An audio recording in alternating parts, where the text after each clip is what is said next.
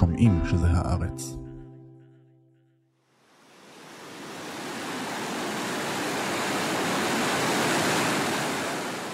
לפני כמה ימים הודיעה אתיופיה כי השלימה את בנייתם של 90% מסכר הרנסאנס הגדול.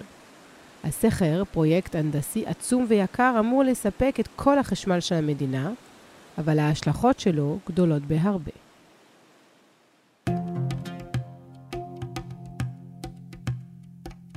הסכר נמצא על הנילוס הכחול, שהוא מקור המים המרכזי של הנילוס, והוא צפוי להפחית את הזרימה בנהר שמהווה את עורק החיים של מצרים. כ-95% מהמצרים מתגוררים בקרבת הנילוס, ובקהיר טוענים שסחירתו תוביל להשלכות הרסניות על הכלכלה והחברה במצרים, להגירה של מיליוני בני אדם ולערעור היציבות במדינה.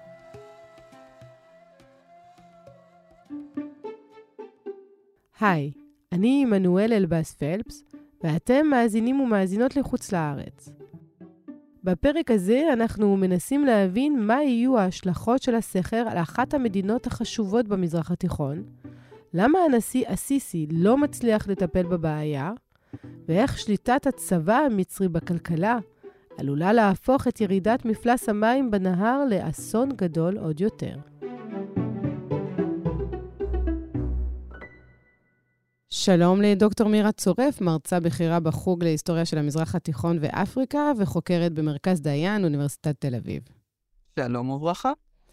בימים האחרונים יש דיווחים על כך שאתיופיה אה, השלימה כ-90% מפרויקט ענק, שהוא אה, בעצם פרויקט של אה, סכר אה, אה, בנילוס, ומצרים יוצאת אה, נגד הפרויקט הזה, אומרת שזה נעשה באופן חד-צדדי ושזה מסכן אותה כלכלית ולא רק.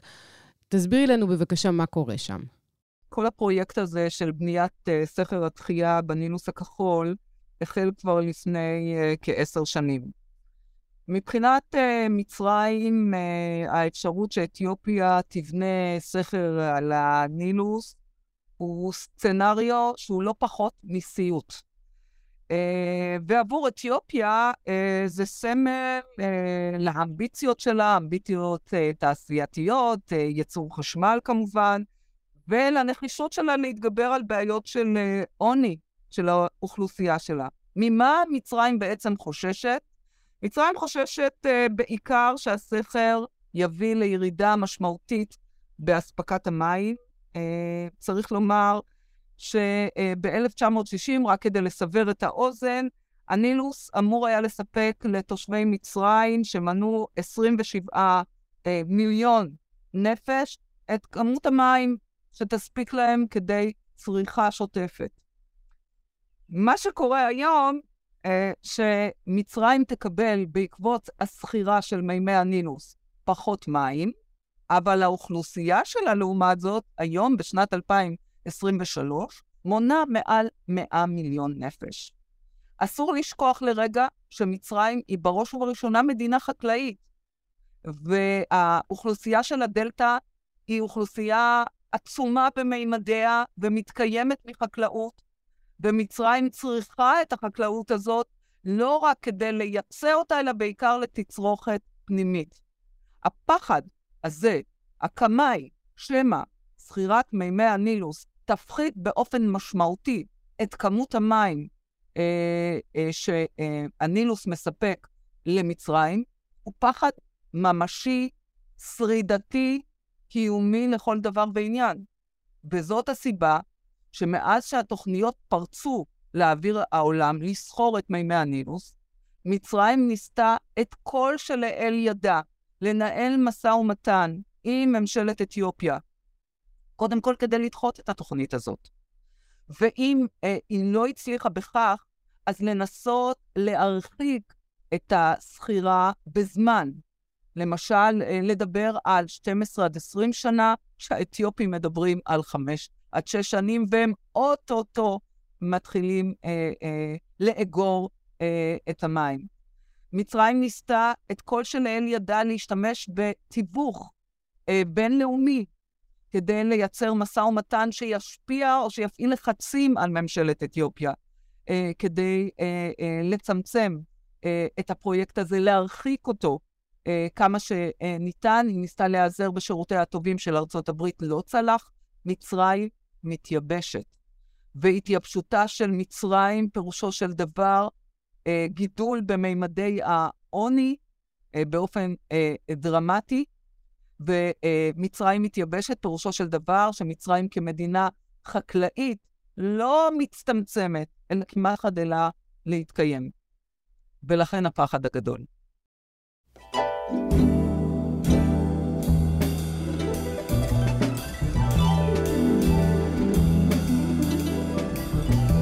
הנילוס נחשב לאחד משני הנהרות הגדולים בעולם ביחד עם האמזונס.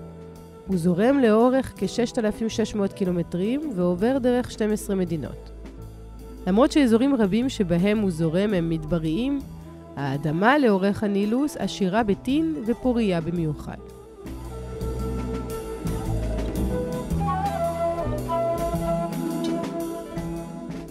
לנילוס שני מקורות עיקריים, הנילוס הלבן, שמגיע מימת ויקטוריה, והנילוס הכחול, שמקורו באגם טאנה שבאתיופיה.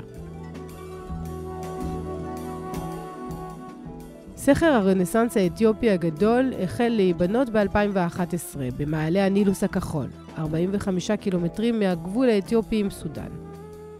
בניית הסכר טרם הושלמה, אולם בשנת 2020 החלו להפעילו ולמלא את מאגר המים, והיום כשליש מהמאגר מלא. עלות בניית הסכר היא כחמישה מיליארד דולר, מהם מיליארד דולר בהלוואה מסין, שחברות בנייה שלה גם משתתפות בהקמת הפרויקט. הסכר אמור לספק את כל צריכת החשמל של אתיופיה, והוא יהיה הסכר ההידרואלקטרי הגדול באפריקה. GERD is actually a people's project to bring light home to 65 million people who are currently living in darkness.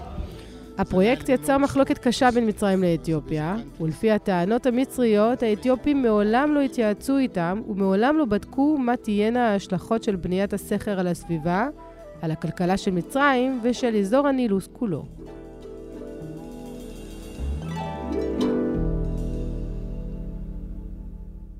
אז בואי נדבר על הנילוס עצמו בהקשר המצרי אה, והאזורי, אה, כמה הוא חשוב, ואפשר ללכת אה, גם כמובן היסטורית.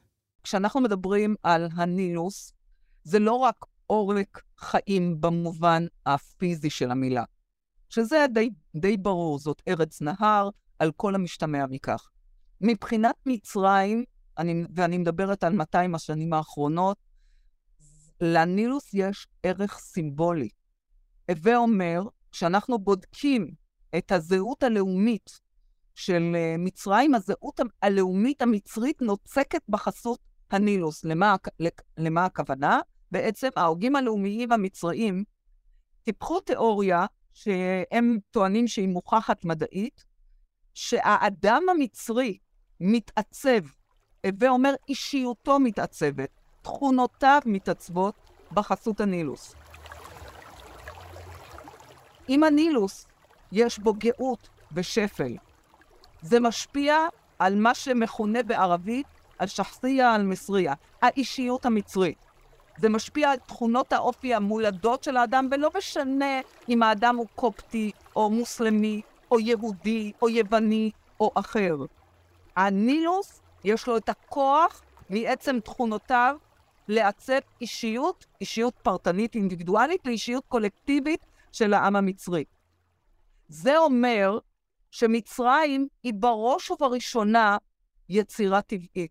זה לא איזה מדינה שמישהו, כוחות זר, כוחות קולוניאליים, שרטטו את גבולותיה. זוהי מדינה טבעית שהגבולות שלה מסורטטים בחסות הנילוס. זה ערך סימבולי וערך אה, אה, לאומי כל דבר ועניין. זה גם טמון בהיסטוריה, אה, במיתולוגיה המצרית, נכון? גם בתקופה הפרעונית, בוודאי, בוודאי. אנחנו מושכים קו ישר בין ההיסטוריה הפרעונית העתיקה, שזו תקופת תור הזהב המצרית, לבין העידן המודרני, שבו אנחנו חיים כרגע. זאת אומרת, יש רצף לגמרי עתיק, פרמורדיאלי, שמצביע על חשיבותו של הנילוס להוויה המצרית, כשאנחנו מדברים על המיתולוגיה, אם את מושכת לשם דווקא, מה שהפך את הפרעונים למלכים כל כך uh, כוחניים, כל כך מוכשרים, מה שהפך את התקופה הפרעונית לתקופת תור זהב, גם מבחינה כלכלית, גם מבחינה פוליטית וגם מבחינה תרבותית, יש לייחס את זה במידה לא מבוטלת לקיומו של הנילוס. והקיום הזה הולך עם ההיסטוריה המצרית מהתקופה העתיקה, עבור דרך ימי הביניים, אל עבר התקופה המודרנית. ולכן החשיבות שמצרים מייחסת, מנהיגיה, האינטלקטואלים שלה, אה, האומנים שלה והפלאחים שלה, אה, מייחסים לנילוס, היא אה, חשיבות לגמרי דרמטית. האם הפגיעה בנילוס יכולה לדחוף את מצרים למהלך אלים?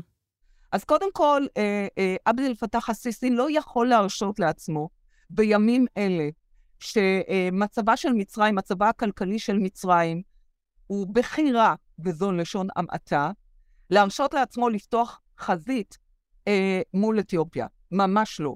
הוא חייב למצות מהלכים דיפלומטיים, הן בתוך העולם הערבי והן בתוך העולם הגלובלי, וכן, גם ישראל היא אה, יכולה להיות אה, אה, גורם אקטיבי ב, בסיפור הזה. צריך לומר עוד משהו.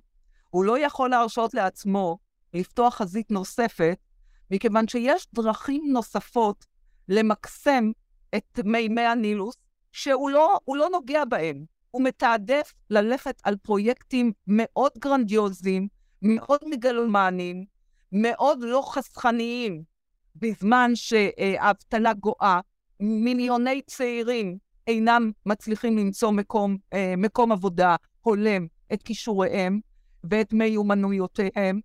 הוא בונה את קהיר החדשה בזמן שאין בכך צורך. All Egyptians have carried out huge amount of work to make a gift to the entire world, something very precious for humankind as a whole, for development. פרויקט נוסף שהוא עשה, אה, וגם הוא מגלומני אה, אה, באופיו ובמאפייניו, זה קריאתה של תעלת סואץ החדשה. הפתיחה של תעלת סואץ, ההשקה של התעלה החדשה, הייתה מאוד אקסטרווגנטית, מאוד מיוחצנת. האם היא הצדיקה את ההשקעה הגדולה שהושקעה בה? נכון לרגע זה, בוודאי ובוודאי שלא. לעומת זאת, כדי למקסם את אספקת המים ממימי הנילוס, אפשר לשפר את תשתיות המים בהיקף מוניטרי הרבה יותר מצומצם. אפשר להתפיל מים, אפשר למחזר אה, מי שופכין כדי להשקות אה, אה, שדות. ושום דבר בתחום הזה לא נעשה. איך מסבירים את זה? איך, איך, איך את מסבירה את ההחלטה לא לעשות את הדברים שעכשיו פירטת אותם שהם אפשריים? אולי יקרים, אולי מסובכים, אבל הם לא יצאו כהחלטה. סדר עדיפויות לא לאומי, אלא פרסונלי. מה משרת את הנשיא עצמו? כן, אבל זה לא מה שיאכיל את התושבים ואת האוכלוסייה ההולכת וגדלה, וזה גם לא יפתור את הבעיה מול אתיופיה. אז אם הוא לא מוכן לשפר את המצב של המים, ואתיופיה לא עוצרת מבחינתה את הפרויקט, אז איך הוא רוצה לפתור את זה? פשוט להתעלם מהבעיה? הוא לא מתעלם, הוא מתמודד בדרך של, או בדרכים, אפשר לומר, שנכון לרגע זה לא מניבות את התוצאות שהוא אולי מקווה להן. אז הוא מנסה בדרך אחרת, הוא מנסה דרך מלוות אה, אה, מן הבנק העולמי, מלוות ממדינות המפרץ, כדי להתגבר על המצוקה הכלכלית. אסור, אסור לשכוח שהיו גם נסיבות שהזמן גרמן. למשל, הקורונה, הטיפול בקורונה, אה, איכות הרפואה המצרית, אה, ההתחסנות המאוחרת, גם היא אה, הביאה את מצרים להידרדרות במצבה הכלכלי. מלחמת אוקראינה-רוסיה, שלא עבד אל פתח א-סיסי אשם בה, אבל יבוא החיטה אה, מאוקראינה, נפגע כמו שיבוא החיטה מאוקראינה, שהיא אחת הספקית, הספקיות, אה, ספקיות החיטה הגדולות בעולם, נפגע, אבל מבחינת מצרים זה קריטי. עכשיו תראו, תראי את המלכוד. המלכוד הוא בכך שהבנק העולמי מתנה את מתן המלוות אה, למצרים בכך שמצרים תצמצם את הסובסידיות על מצרכי היסוד ועל הדלק. ועבד אל פתח הסיסי מנסה לעשות את זה. פעם אחת הוא עשה את זה, וזה עבר בשקט, כי הוא קיבל אשראי מהציבור.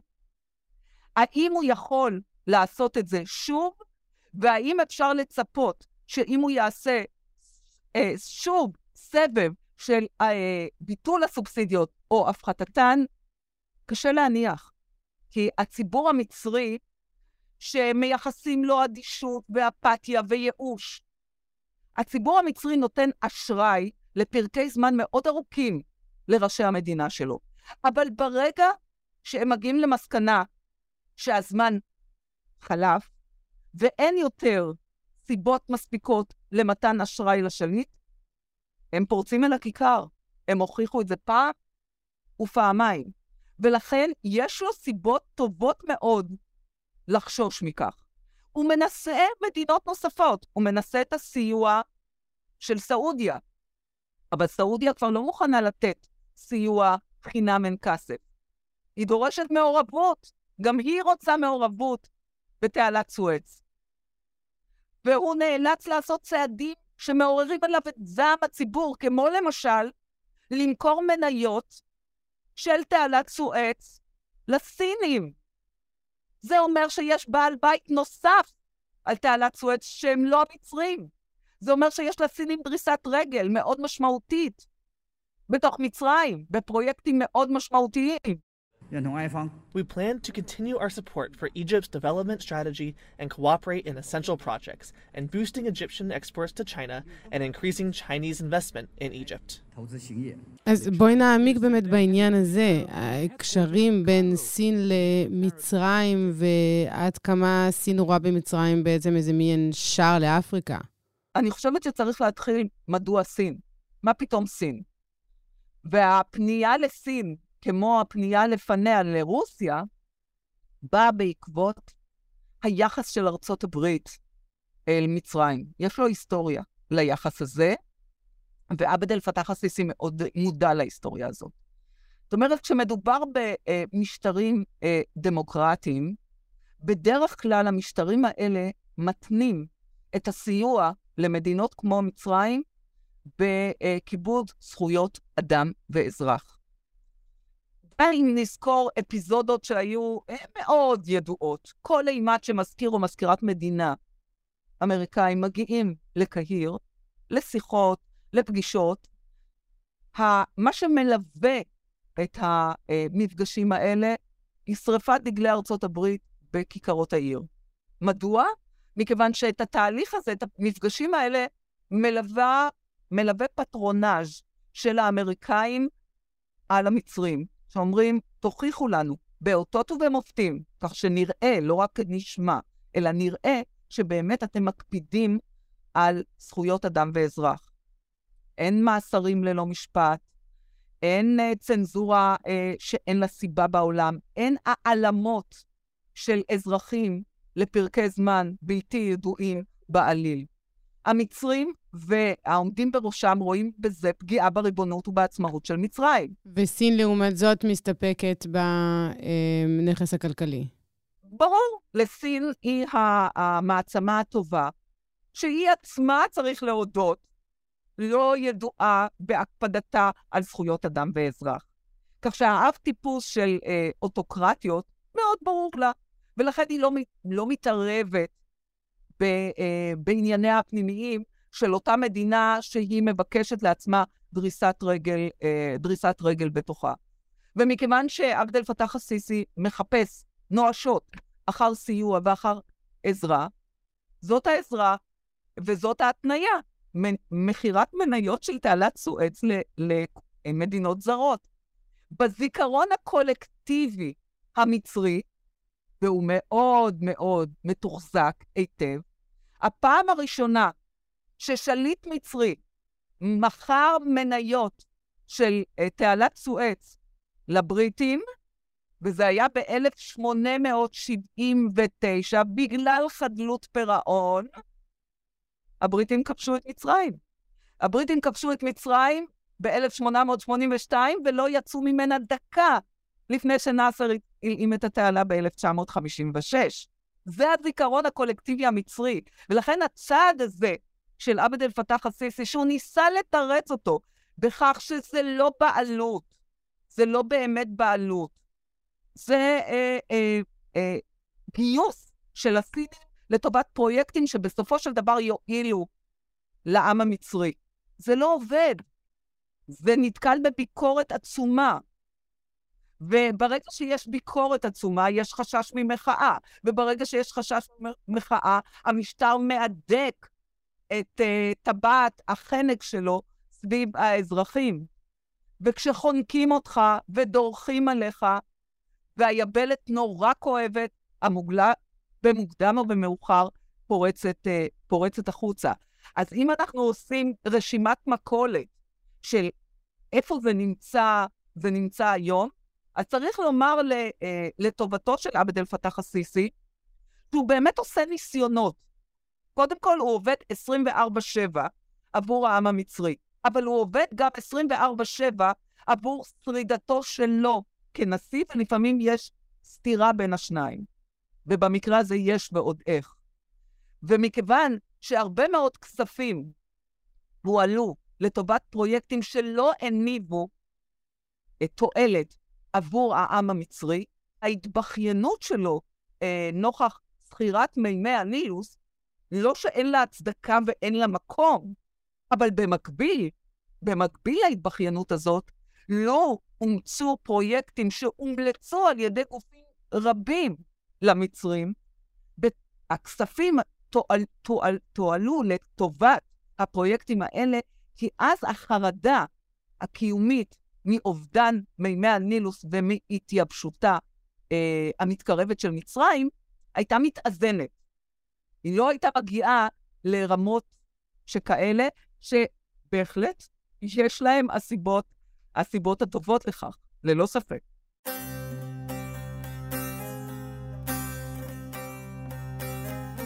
הנילוס עמד במרכזה של אחת האימפריות החשובות של העולם העתיק. המצרים העתיקים פיתחו טכניקות השקיה שאפשרו להם להשתמש במי הנילוס ולהשקות גם שדות מרוחקים מהנהר. לפי היסטוריונים רבים, בזכות הנילוס היו המצרים הקדמונים בין הראשונים לגדל גידולים חקלאיים כמו חיטה ושעורה בקנה מידה גדול. החקלאות המצרית אפשרה גם את גידול צמח הגומה, שממנו הכינו את נייר הפפירוס. אחת לשנה הנילוס עולה על גדותיו ומציף את השטחים סביבו, משאיר אחריו משקעים שמפרים את האדמה. תקופת ההצפה המתרחשת באוגוסט נחגגת ברחבי מצרים.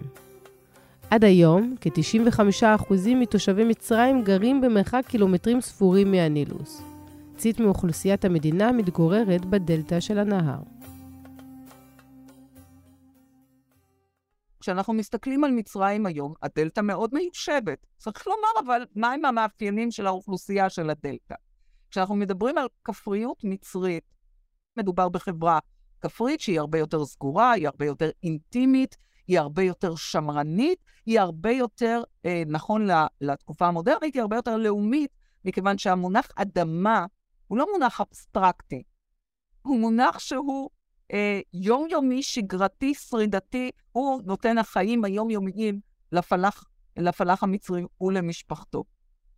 אבל כבר במאה ה-20 ואפילו במאה ה-19, אה, משפחות שהבינו את מגבלות החיים בכפר, הסכימו לעצמם להיפרד מילדיהם ולשלוח אותם להתחנך בערים הגדולות. מה שאנחנו עדים לו זה בעצם פיצוץ אוכלוסין דרמטי בערים, ועדיין אוכלוסייה כפרית שמיישבת את הדלתא. וזה מצביע על בעיה אקוטית שלא העלינו אותה, וגם היא אחד המשברים שכל ראש מדינה מצרי התמודד איתה בדרך כזו או אחרת, אני לא רואה איך עבד אל פתח א-סיסי מתמודד איתה. וזאת הבעיה הדמוגרפית. בעיית גידול האוכלוסין, שלא לומר פיצוץ האוכלוסין.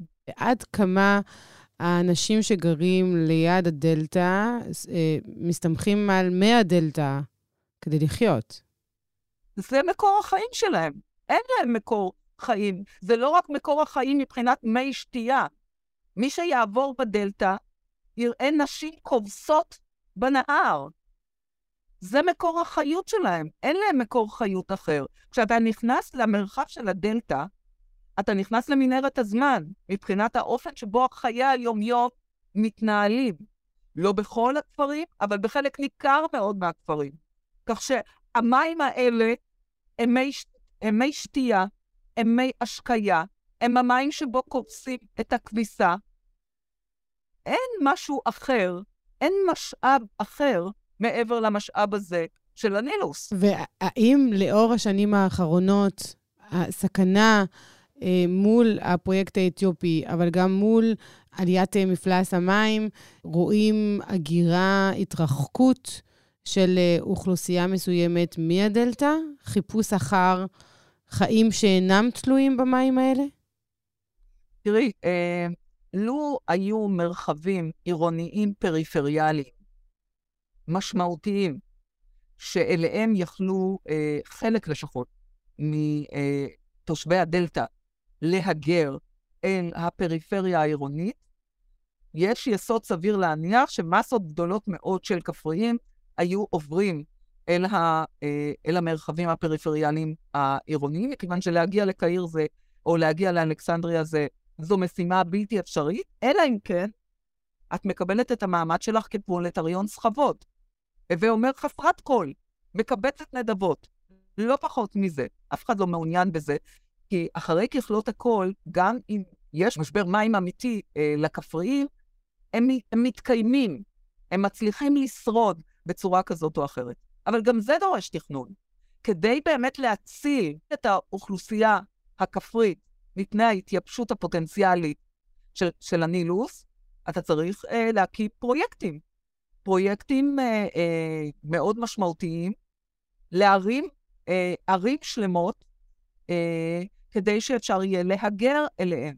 גם זה דורש אה, תכנון, זה דורש הפקעה של נכסים מידי הצבא, ופתיחת אה, שוק הבנייה לפני הסקטור הפרטי. כל זה לא קורה. This is the busiest time of the year for the farmers.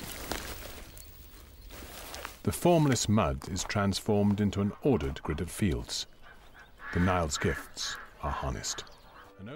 ובואי נישאר באמת בנקודה הזאת על הנילוס. לאיזה נתח מהכלכלה הוא אחראי? אם אנחנו אה, נאמר שלמצרים אין תעשייה בקנה מידה אה, משמעותי, היא לא מדינה מתועסת, היא לא מדינה תעשייתית, אז אפשר לומר שהענף, או אחד הענפים המשמעותיים ביותר בכלכלתה של מצרים, היא החקלאות, אוקיי? וללא אה, מים אה, וללא אה, אה, השקיה ראויה, ואם אנחנו נוסיף לכך גם את משבר האקלים, הווה אומר ההתייבשות אה, ומיעוט המשקעים, פירושו של דבר שהתוצרת החקלאית שמשמשת את מצרים לא רק לתצרוכת פנימית, אלא גם לייצוא, ואני מדברת על הכותנה. היסטורית, הכותנה המצרית היא כותנה בעלת איכות פנטסטית, הכותנה ארוכת הסיבים. זאת אומרת, בעצם זה נתח מאוד מאוד מרכזי, וגם תעשיית הטקסטיל המצרית לצרכים פנימיים, גם היא נפגעת ברגע שגידול הכותנה נפגע ופוח, ופוחת. עם היכולת לייצא את הכותנה הזאת ולהרוויח אה, מטבע זר, שייכנס לקופת האוצר המצרי, ותעשיית טקסטיל לצרכים פנימיים, את מבינה שבאמת הנילוס הוא עורק חיים מאוד מאוד משמעותי. ויש ניסיון אה, לפתח אה, חלופות לכלכלה של אה, הנילוס? תראי, מכיוון שפה אנחנו נכנסים לסוגיה נוספת, שהיא בעייתית מאוד אה, במציאות המצרית, והיא העובדה שהרבה מאוד מהמשאבים הכלכליים מרוכזים בידיים של הצבא המצרי. וכל ניסיון, ועוד לא נעשה, אבל אני אומרת, כל ניסיון לה, להפקיע מידי הצבא אה, נכסים כלכליים, מפעלים ואדמות, אה, קרקעות ונכסי דלא ניידי, אה, יכול היה בהחלט לפתוח את השוק לסקטור פרטי ולתעש את מצרים גם לואו-טק וגם הייטק. זה לא שאין במצרים אנשים מוכשרים. יש בה אנשים מוכשרים, אנשים צעירים, בעלי תארים, בעלי תואר ראשון ושני, ותארי דוקטור לפני שמותיהם, אבל הם מובטלים, כי השוק המצרי, שוק העבודה המצרי, לא יכול לקלוט אותם. אה, אבל עבד אל פתח הסיסי מאוד ממולכד, כמו שהיו קודמיו, כי הוא בא מן הצבא, והצבא הוא בסיס הכוח המרכזי שלו, וברגע שהוא יפקיע מידי אנשי הצבא, בכירים יותר או פחות, את הכוח הכלכלי שלהם, הוא עלול לקומם על עצמו את הצבא, במילים אחרות קוראים לזה הפיכה צבאית, וזה לא מה שהוא מחפש לעצמו. ולכן היכולת לפתח חלופות משמעותיות, שא', יקלטו את uh, מאות אלפי המובטלים הצעירים, הדור הצעיר המצרי, שהוא דור המחאה בעצם, וישלבו אותו בשוק העבודה באותם, באותם מקצועות אקדמיים שהם רכשו בהם את הדיפלומה. Uh, האפשרות הזאת כמעט ולא קיימת. שוק העבודה מאוד מצומצם, שוק העבודה מאוד סגור, וכרגע קשה מאוד להצביע על uh, חלופות משמעותיות ל- לענף החקלאות uh, המצרי. בואי נדבר שנייה מבחינה גיאוגרפית. אם אנחנו חוזרות uh, אחורה uh, לימים uh, קדומים, אז מן הסתם היו מתיישבים ליד מקורות מים, ואפשר היה להניח בקלות שרוב האוכלוסייה מתרכזת סביב הנילוס. האם זה עדיין נכון בימינו? תראי, מדינה מודרנית, או מדינה מתמדרנת, ומצרים מגדירה את עצמה כמדינה בתהליך של התמדרנות. היא מדינה שמתאפיינת על ידי תהליכים של איור. זאת אומרת, הגירה די מסיבית מהמרחב הכפרי אל, הערים. אז נשמע מהדברים שלך כרגע שמצרים די תלויה בחסדים של הנילוס, וזה סביר שזה יוביל לפיצוץ, גם בגלל הסכר וגם בגלל האקלים. אני חושבת שראשי המשטר במצרים מודעים מאוד ומדבררים את הסכנות אה, שמצרים אה, עומדת לפתחן. זה לא איזה משהו אבסטרקטי, גם אם זה לא משהו מיידי, זה לא מהיום למחר, אבל אה, אה משטר שרואה את אה, טובת הציבור, אה, טובת האזרחים לנגד עיניו, אה, צריך להיות מסוגל לתכנן שנים קדימה. מצרים, מבחינת המשאבים הכלכליים שעומדים לרשותה נכון לעכשיו, איננה מסוגלת לתכנן לטווח מאוד מאוד רחוק, ולכן היא עסוקה בכיבוי שרפות. לכן אין ספק, מצרים הייתה, עודנה, ויש יסוד סביר להניח שתמשיך להיות תלויה בנילוס. דוקטור מירה צורף, תודה רבה לך. תודה רבה לכם.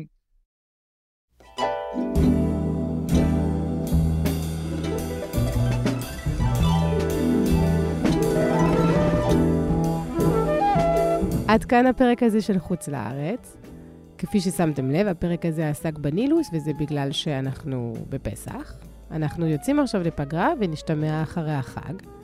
בינתיים אנחנו נמצאים כל הזמן באתר ובאפליקציה של עיתון הארץ, ובכל אחת מהאפליקציות שבהן אתם אוהבים לשמוע פודקאסטים.